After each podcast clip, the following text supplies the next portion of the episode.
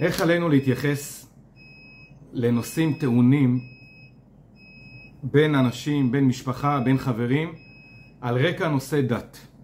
אנחנו יודעים שהמצב היום הוא שיש מתחים בציבור ויש פחדים ולפעמים זה מגיע ממש למריבות בתוך המשפחה ואנחנו צריכים ללמוד מהפרשה שלנו בדיוק איך להתייחס לעניין הזה. פרשה שלנו פרשת קורח ופה יש לנו את הסיפור של המחלוקת המפורסמת בתורה. הדוגמה למחלוקת בתורה זה קורח ועדתו. איזוהי מחלוקת שהיא לשם שמיים זה מחלוקת הלל ושמאי, המשנה במסכת אבות. ואיזוהי מחלוקת שאינה לשם שמיים זו מחלוקת קורח וכל עדתו. אנחנו נלמד את זה היום לאור ביאוריו של הרבי מלובביץ' ששבוע הבא יחול יום ההילולה שלו שלימד אותנו תמיד איך להסתכל את כל, על כל סיפורי התורה בפרספקטיבה של אהבת ישראל. הוא לא רק הראה לנו דוגמה חיה של אהבת ישראל בזה שכל החיים שלו נתן למען עם ישראל. שהוא לא לקח לעצמו יום אחד של חופשה. שהוא עמד במשך שעות רבות בגיל מבוגר מאוד, בגיל 88-89 אני קיבלתי ממנו דולרים. התור היה 4, 5, 6 שעות, זה היה בימי ראשון שזה סנדיי בארצות הברית וחופש, ובאים יהודים מכל ארצות הברית, חוץ מהיהודים שבאים מכל העולם. ואפילו לא רק מהדוגמה חיה הזו, שהוא ענה לילדים קטנים, תשובות, גם כשבאו אליו אלפי מכתבים ביום. אני זוכר שאנחנו היינו ילדים בני עשר, חלק בני 11, כיתה של 13 ילדים. וכתבנו מכתב לרבי על החלטות טובות שקיבלנו על עצמנו במהלך חודש כסלו תשנ"ב, סוף 1991. חודשיים לפני שהרבי קיבל את הסטרוק, את האירוע המוחי. והרבי ענה לנו מכתב ארוך עם ארבעה סעיפים, כולל הוראה למורה של הכיתה שלנו לתת לנו דמי חנוכה. וזה, כשאני מסתכל על זה היום, זה לא נתפס. היו באים לרבי כל יום כל כך הרבה מכתבים. הרבי בעצמו היה פותח את כל המכתבים ולא הסכים שיפתחו לו. והיה עונה בעצמו. אבל כל הדוגמה החיה הזו של הרבי, היא הייתה מבוססת על התורה והדרך שהרבי לימד אותנו. איך להסתכל על יהודי אחר בכלל, ואיך לראות את סיפורי התורה. בפרשה שלנו קורה דבר שלא ייאמן.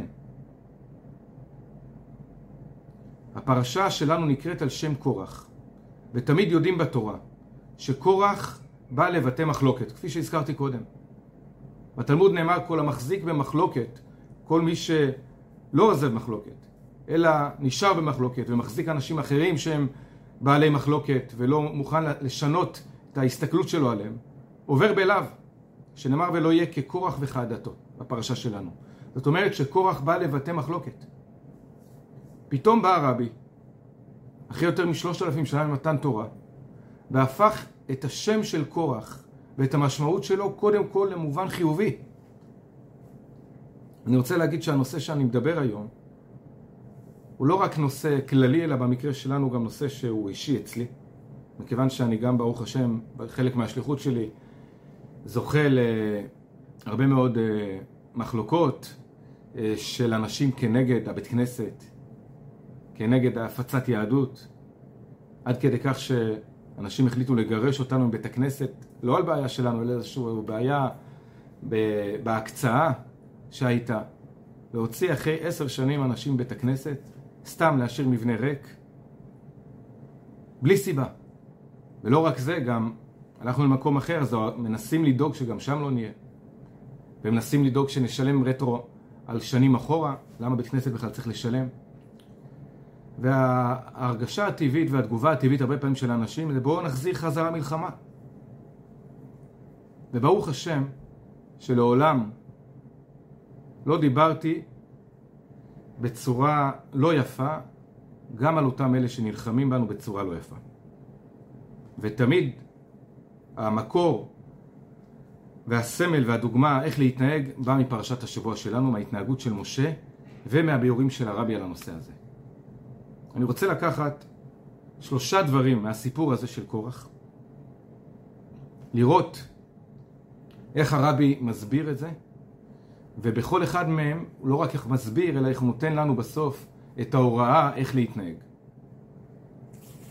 השלושה דברים זה קודם כל איך להסתכל על קורח, מרכז הפרשה, הכוכב המרכזי של הפרשה, וה-250 משמקרבי הקטורת, שבאו וטענו, כמו קורח, שבא וטען, כל העדה כולם קדושים, ובתוכם השם, מדוע תתנסו על קהל השם, אומר למשה ואהרון.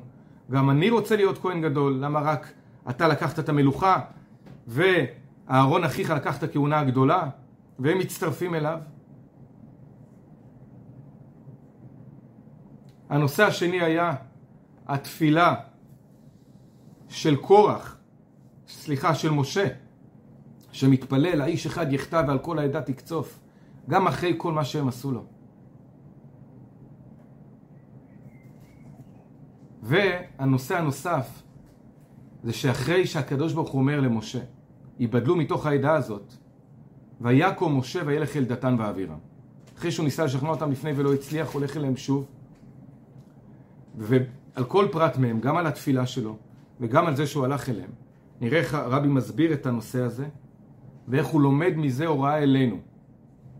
וכשאנחנו נחיה באופן הזה, אנחנו נוכל להסתכל באמת על אנשים מתוך אהבה, לא משנה מה הם עושים, ובזה גם לפתור ולתקן את הבעיה ההפוכה שהייתה לנו בחורבן, שהביאה לחורבן בית שני, שנאת חינם. אנחנו מכאן נשאב את הכוח לאהבת חינם שיבנה את בית המקדש השלישי. הנקודה הראשונה, הנושא של קורח עצמו. כפי שאמרתי, קורח זה תמיד סמל לדבר שלילי. נכון שקורח כתוב פיקח היה ועשיר היה, אבל על פניו זה רק מעצים את הבעיה. איך אדם שפיקח, שהתורה מעידה שהוא פיקח, תורה שבעל פה, פיקח בתורה לא הכוונה היא פרופסור למתמטיקה, אלא הכוונה היא שהוא פיקח בתורה. איך הוא בא למשה ומקיל עליו את כל העדה ומשכנע את כולם שהוא בכלל לא עושה את זה לכבודו אלא דואג להם ובא ותוקף את משה ואהרון כל העדה כולם קדושים ובתוכם השם מדוע תתנשאו על קהל השם אתה לקחת לעצמך את המלוכה ולאהרון אחיך דאגת לכהונה או כמו שרש"י כותב שזה בארץ לו עכשיו אחרי המינוי של ה... בן דוד הנוסף, הרי קורח היה בן דוד ראשון של משה רבנו, שני האבות היו אחים. היה עוד אח, הם היו ארבעה אחים. האח הרביעי היה לו בן אליצפן בן עוזיאל, עוזיאל היה אח של עמרם, שמשה מינה אותו לנשיא שבט הקהתי. אז זה אומר, לקחת שני מינויים לבן של הראשון של עמרם, עכשיו יש מינוי פנוי, תביא אותו לבן של השני, אני קורח הבן של יצהר.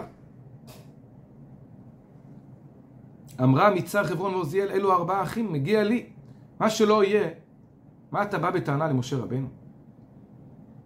הרי לא משה רבנו החליט לא על המינוי של עצמו, לא על המינוי של אהרון, ולא על המינוי של ליצפן בן עוזיאל. אלא הקדוש ברוך הוא. אז מה שייך פה בכלל לבוא ולתקוף את משה רבנו? מה, אתה לא מאמין בזה שמשה רבנו עשה את זה לא מדעתו, אלא על פי ציווי השם? אחרי שראיתם את הר סיני, איך הקדוש ברוך הוא בוחר במשה לעיני כל העם, אחרי כל הניסים שמשה עשה. אז הרבי בא והופך את הקערה על פיה. גם ביחס לקורח וגם ביחס ל-250 איש.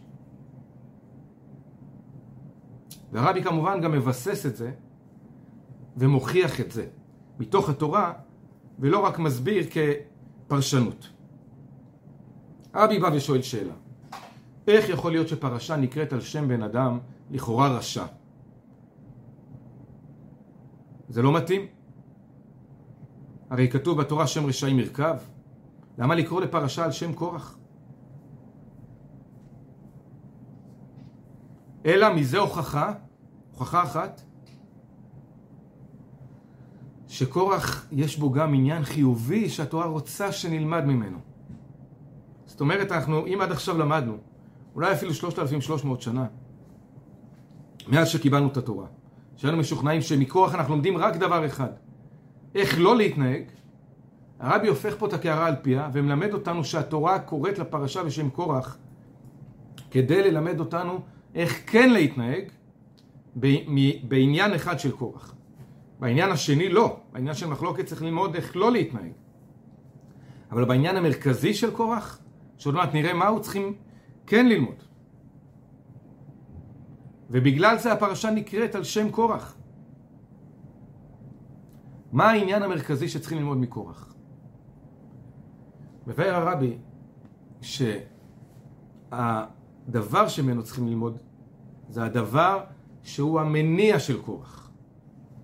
קורח בא לחלוק על משה ואהרון. מה כאב לקורח? מה הציק לו? אז אם נסתכל בדברי משה רבינו לקורח כפי שרש"י מביא. אומר משה רבינו לקורח, אתם בני לוי, רב לכם, אתם לא כמו ישראל, קיבלתם שדרוג, קיבלתם מהקדוש ברוך הוא תפקיד שישראל, יהודי רגיל, לא מקבל.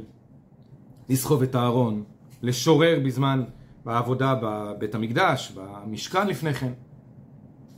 אתה מבקש להיות כהן גדול. אף אני רוצה בכך. זאת אומרת, משה רבינו מזדהה עם הרצון של קורח. הוא בא ואומר, תקשיב, יש פה את הרצון שלך, ויש פה את המעשה שלך. הרצון שלך הוא רצון טוב. הרצון להיות כהן גדול, גם אני רוצה להיות. מי כמו משה רבינו ידע מה המעלה של להיות כהן גדול, של להיכנס לקודש הקודשים. וקורח שפיקח היה, רצה גם כן להיות כהן גדול. יותר מזה, זה שהוא בא וטען מדוע תתנסו כשהוא יודע שמה שמשה רבינו אומר זה מפי הקדוש ברוך הוא וגם לזה יש הוכחה, מביא הרבי. יש שאלה שהמפרשים כולם שואלים, איך מסתדר המחלוקת של קורח על משה עם ההבטחה של הקדוש ברוך הוא למשה רבינו וגם בך יאמינו לעולם לפני מתן תורה. מתן תורה, כמו שהרמב"ם מעריך, זה הבסיס לאמונה שלנו בכל התורה. כי הרי משה רבינו הוריד את התורה. מי אמר שמשה רבנו לא טעה אפילו באות אחת? הבסיס לאמונה שלנו זה מעמד הר סיני, שבו איננו ראו ולא זר, ואיננו שמעו ולא אחר. בעצמנו ראינו ושמענו, כל עם ישראל שהיה נוכח במתן תורה, שהקדוש ברוך הוא בוחר במשה רבינו. ואתה פה עמוד עמדי. לך אמור להם שובו לכם לאהליכם, ואתה פה עמוד עמדי. כולם ראינו איך הקדוש ברוך הוא מדבר למשה. משה ידבר והאלוקים יעננו בקול. איך הדיברות הראשונות ואיך הדיברות השלישי והלאה, שמשה מעביר את זה ישירות. זה היה בצורה מאוד ברורה, הקדוש ברוך הוא הראה למוש... לעם ישראל שהוא בוחר במשה רבנו. והבטיח לו, וגם בך יאמינו לעולם, על סמך זה אנחנו מאמינים בו. אז איך רק שנה וכמה חודשים אחרי, קורח בא ומקהיל את העדה נגד משה רבנו.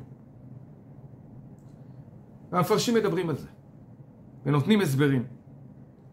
הרבי לוקח את השאלה הזו כהוכחה לכך שקורח לא כפר בזה שמשה רבינו העביר את הדברים מהקדוש ברוך הוא, הרי לא יכול להיות, וגם בך יאמינו לעולם.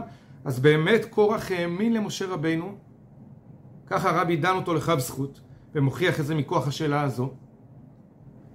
האמין למשה רבינו, שכל המינויים שלו נעשו על פי רצון השם, על פי ציווי השם. אז אם ככה, מה אתה בא? ומה אתה יוצא פה על משה? קורח חשב שאפשר לשנות את הדברים, את המינויים האלו, כמו שאפשר לשנות דברים על ידי תפילה. הוא רצה לשנות את, את החלטתו של הקדוש ברוך הוא. הקדוש ברוך הוא מחליט משהו, והוא אומר ליהודי, תקשיב, אתה יכול לשנות. אתה יכול להתפלל, יהי רצון. יהי רצון פירושו שיהיה רצון חדש לקדוש ברוך הוא. אז אומר קורח, רגע, הקדוש ברוך הוא נותן אופציה לשנות. בואו ננסה לשנות את זה. ואז הוא בא עם הטענה, כל העדה כולם קדושים, ובתוכם השם הוא בא מתוך הבנה ותקווה שעל ידי הטענות האלו, על ידי הטענה הזו, הקדוש ברוך הוא באמת ייתן לו את המינוי. שהוא כל כך רוצה אותו, והרצון הוא רצון טהור וטוב להיות כהן גדול. גם קורח וגם 250 איש. 250 איש. הרי זה לא מובן, איך, איך הם בכלל חושבים? משחקים פה הרי באש ממש. משה רבנו אומר להם, אין בעיה, תקטירו קטורת. אבל מי שהקדוש ברוך הוא בחר בו, הוא יהיה בסדר, כל השאר ימותו. הם יודעים שהקדוש ברוך הוא לא בחר בהם. איך הם הולכים להקטיר קטורת? וגם פה, מכוח השאלה הזו, מוכיח הרבי, שהם ידעו. נכון, הם ידעו לאיפה הם הולכים. אבל הרצון שלהם לזכות להקטיר קטורת היה כל כך חזק שהם הסכימו לשלם על זה גם בחייהם. בדומה לכהנים גדולים בזמן תקופת בית שני, כשהצדוקים שלטו באותם שנים, וכל שנה כהן גדול שלא היה כשר, מת באותה שנה. ואף על פי כן הם נלחמו להיות כהנים גדולים מתוך ידיעה שהם הולכים השנה לעזוב את העולם בגלל שהם נכנסים להיות לקודש הקודשים ביום כיפור, כי לא היה אכפת להם מהתוצאה. התשוקה שלהם, גם שם כמובן הרבי דן אותם לכף זכות, שהתשוקה שלהם להיות כהנים גדולים ולהיכנס ביום הקדוש בשנה, למקום הקדוש ביותר בעולם, עם העבודה הקדושה ביותר, הייתה כל כך חזקה, חולת אהבה, שלא היה אכפת להם לשלם על זה אפילו בחייהם. אז פתאום אנחנו מקבלים פה אנשים שונים לחלוטין. מקבלים פה את קורח ו-250 איש, שכל מה שהניע אותם זה היה רק הרצון להידבק בקדוש ברוך הוא.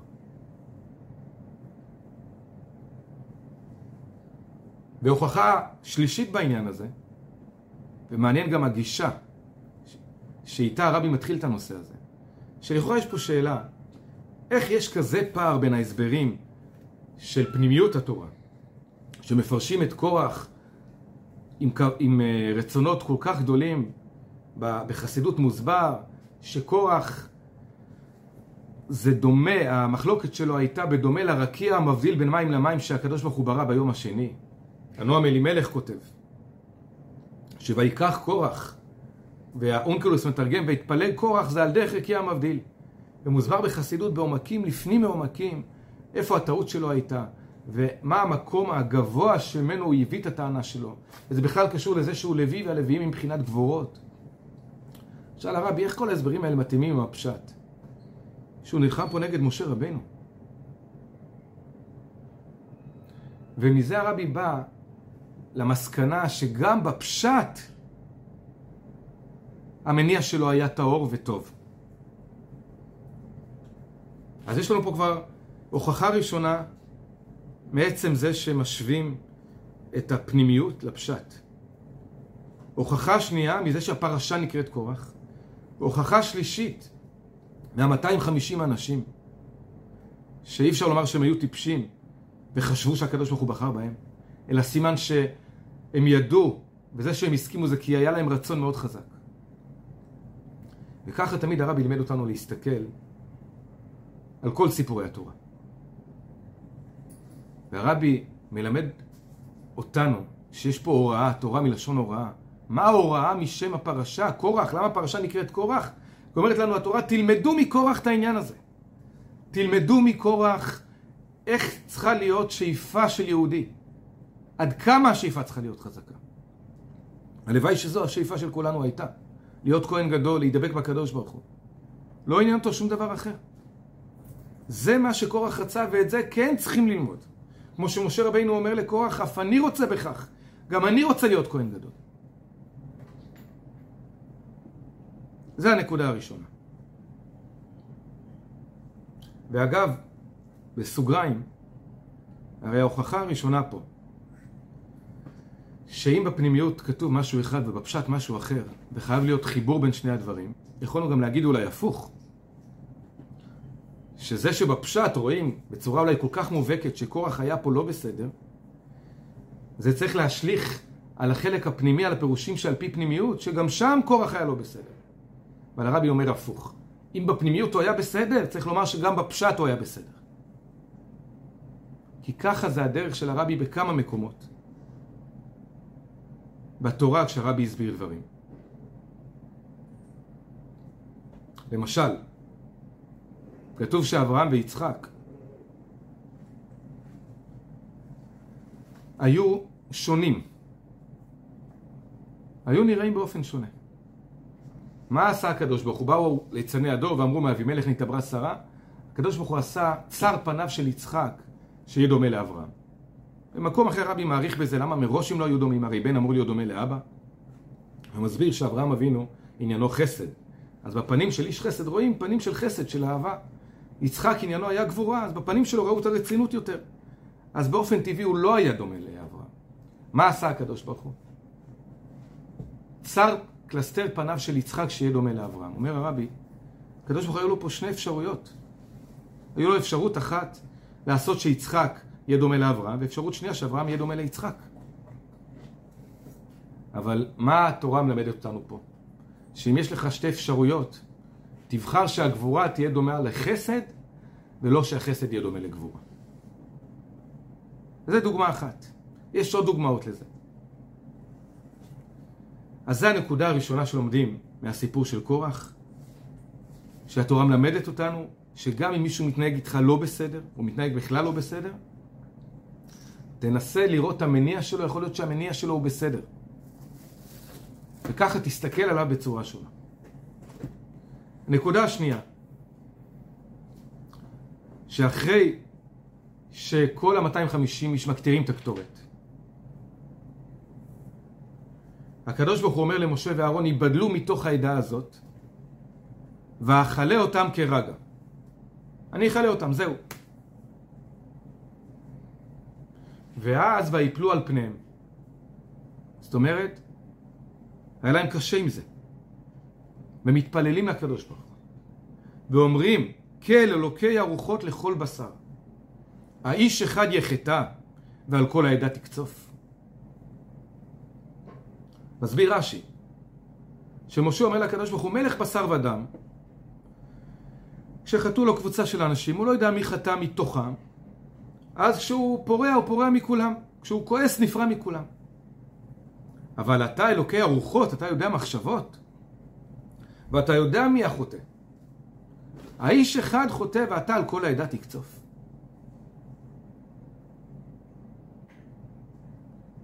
ולכאורה רש"י הזה לא מובן בכלל, והטענה של משה לא מובנת בכלל. מה זאת אומרת האיש אחד יחטא? רק קורח חטא פה? הרי קורח הקיל את ה-250 אנשים. ומשה רבנו בעצמו, ניקח פה את הכוכבים הנוספים, שני כוכבים שמלווים אותנו לאורך כל התורה, דתן ואבירם. ששתי ההוראות הנוספות והסיפורים הנוספים שמהם נלמד, זה קשור אליהם ישירות. שתי הכוכבים האלו מחפשים איך להיכנס במשה רבנו, איך להילחם בו. לאורך כל התורה. הרי משה רבנו היה צריך לברוח ממצרים בגלל שהם הלשינו עליו. הלהרגני אתה אומר כאשר הרגת את המצרי, דתן ואבירם. עם המן השאירו עד הבוקר דתן ואבירם. ולמרות כל זאת משה רבנו שלח לקרוא לדתן ואבירם. ביקש לבוא, לקרוא להם, לדבר איתם, לשכנע אותם. ויאמרו לא נעלה, אנחנו לא באים אליך. המעט זה דבר קטן שהוצאת אותנו מארץ זבת חלב ודבש, מצרים, ארץ זבת חלב ודבש, להמיתנו במדבר, כי תשתרר עלינו גם משתרר שעכשיו אתה בא גם כן לשלוט עלינו, לקבל שררה עלינו. ככה הם מדברים למשה רבנו. העיני האנשים תנקר. זאת אומרת, לא הבאת אותנו גם לארץ ישראל, ארץ זבת חלב ודבש. לא הבאת לנו לחנת שדה וחרם, ואז הם מסיימים. העיני האנשים ההם תנקר, לא נעלה. גם אם תנקר לנו את העיניים, אנחנו אליך לא באים. למרות זאת, בא משה רבינו לקדוש ברוך הוא ואומר, רק אחד חטא. רק קורח חטא. הם לא חטאו, הם לא, לא לדבר איתך, תראה איך הם מדברים אליך. מה הולך פה? ביאר הרבי ככה. משה רבינו בא לקדוש ברוך הוא ואומר לו בוא נעשה הפרדה בין הסוחף לנסחפים. היה פה אחד שהתחיל את כל הסיפור הזה, והשפיע על כל שאר האנשים, על כל עדת קורח.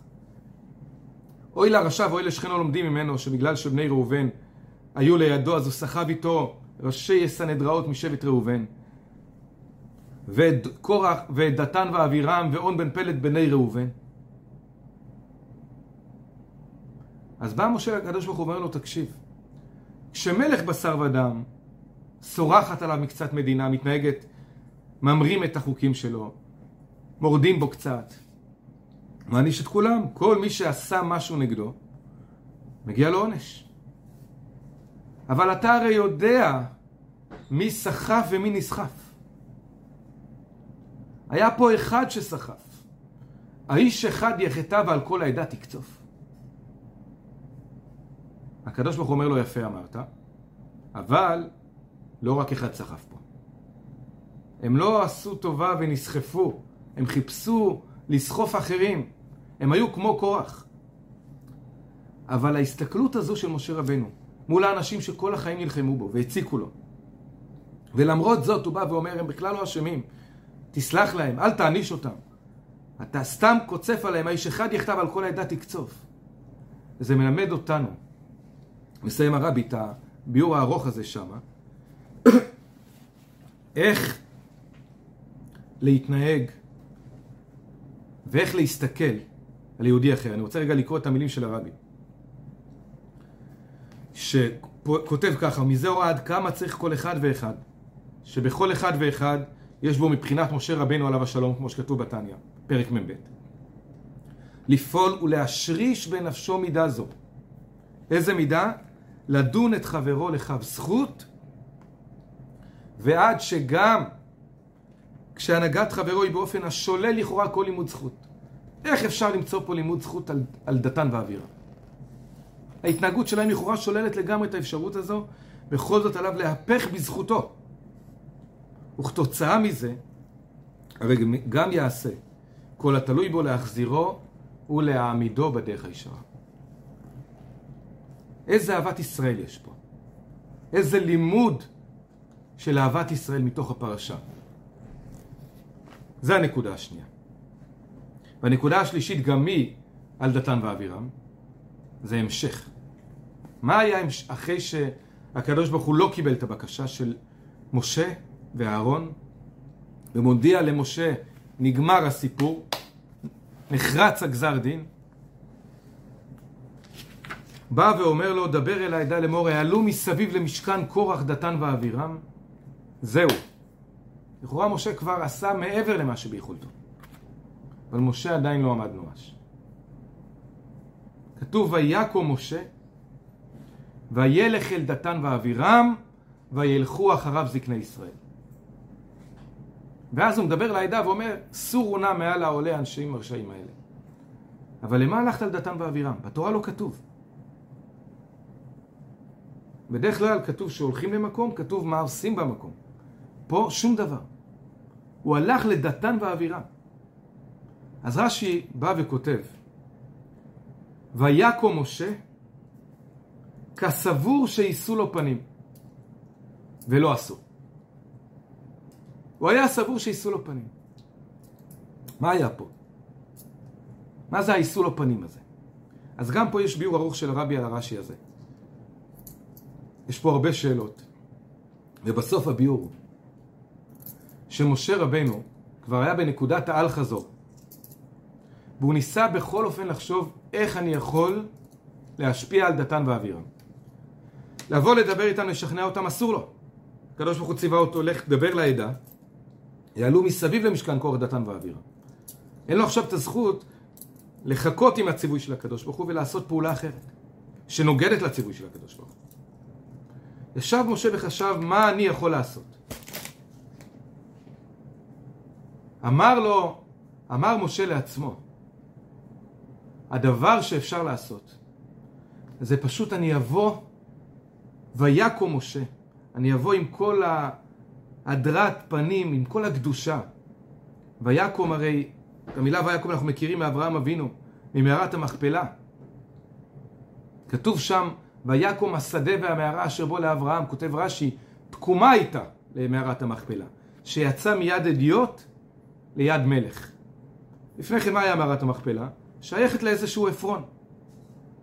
פתאום מערת המכפלה שייכת לאברהם אבינו. איזה שדרוג, איך, השתנ... איך השתנה פתאום מערת המכפלה מסתם חלק נדל"ני בארץ לרכוש של אברהם אבינו. ויקום משה, זה עניין של תקומה, משה הלך עם כל ההדרת פנים שלו, עם כל הקדושה שלו, ולכן גם הלכו אחריו זקני ישראל. ראו את משה עם כל הדרו, הלכו אחריו. ובואו נצייר לעצמנו את התמונה הזו, שמשה מגיע עם כל הדרו, עם כל הקדושה שלו, אחריו הולכים כל זקני ישראל. משה אמר, אולי עכשיו אני אגיע לדתן, אסור לי לדבר איתו, אבל אולי רק המחזה הזה ישפיע עליו לחזור, בקדושה, לחזור בתשובה. כסבור שיישאו לו פנים. זה הביטוי נשיאת פנים, אולי כשהם יראו אותו, הרגש יתעורר אצלם. התשובה תגרום להם לעזוב את הכל ולהגיד, אנחנו הולכים פה נגד משה רבינו, הנה, זה משה רבינו שראינו אותו בהר סיני לפני שנה. זה יזכיר להם את המראה הזה, את העשר מכות, את הקריאת ים סוף. אולי עכשיו משה ככה, כשמגיע עם כל הזקנים, אומר משה לעצמו, אולי זה יפעל עליו. זה יפעל על דתן ואבירה. אבל גם זה לא הצליח. רק מראה מי היו דתן ואבירם, שרגע לפני משה רבינו מהפך בזכותם ואומר, האיש אחד יכתב על כל העדה תקצוף. ואנחנו רואים פה שגם אחרי ככלות הכל ובדקה ה-90 לכאורה כבר כשנסגר הגולל וכבר אין סיכוי לשנות, משה רבינו לא מתייאש. וגם מפה הרבי לומד הוראה. שמעבר לזה שזה מלמד אותנו כמובן איך להסתכל על סיפורי התורה, זה מלמד אותנו איך להסתכל היום על יהודי אחר.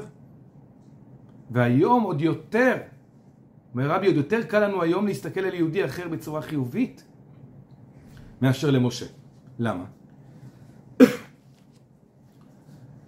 כי משה רבנו ידע שמדובר פה באנשים שיודעים, אנשים יודעי תורה, אבל אנחנו לא מדברים על יהודים שמורדים חס ושלום, כותב הרבי, אלא על יהודים שהם עמי הארצות ביהדות, כתינוקות שנשבו לבין הגויים, ביטוי הלכתי, שאדם תינוק שהיה שבוי בין הגויים ולא יודע בכלל מה זה שבת, וחילל הרבה שבתות, איך אפשר להעניש אותו על כל שבת, בכלל לא ידע מה זה שבת.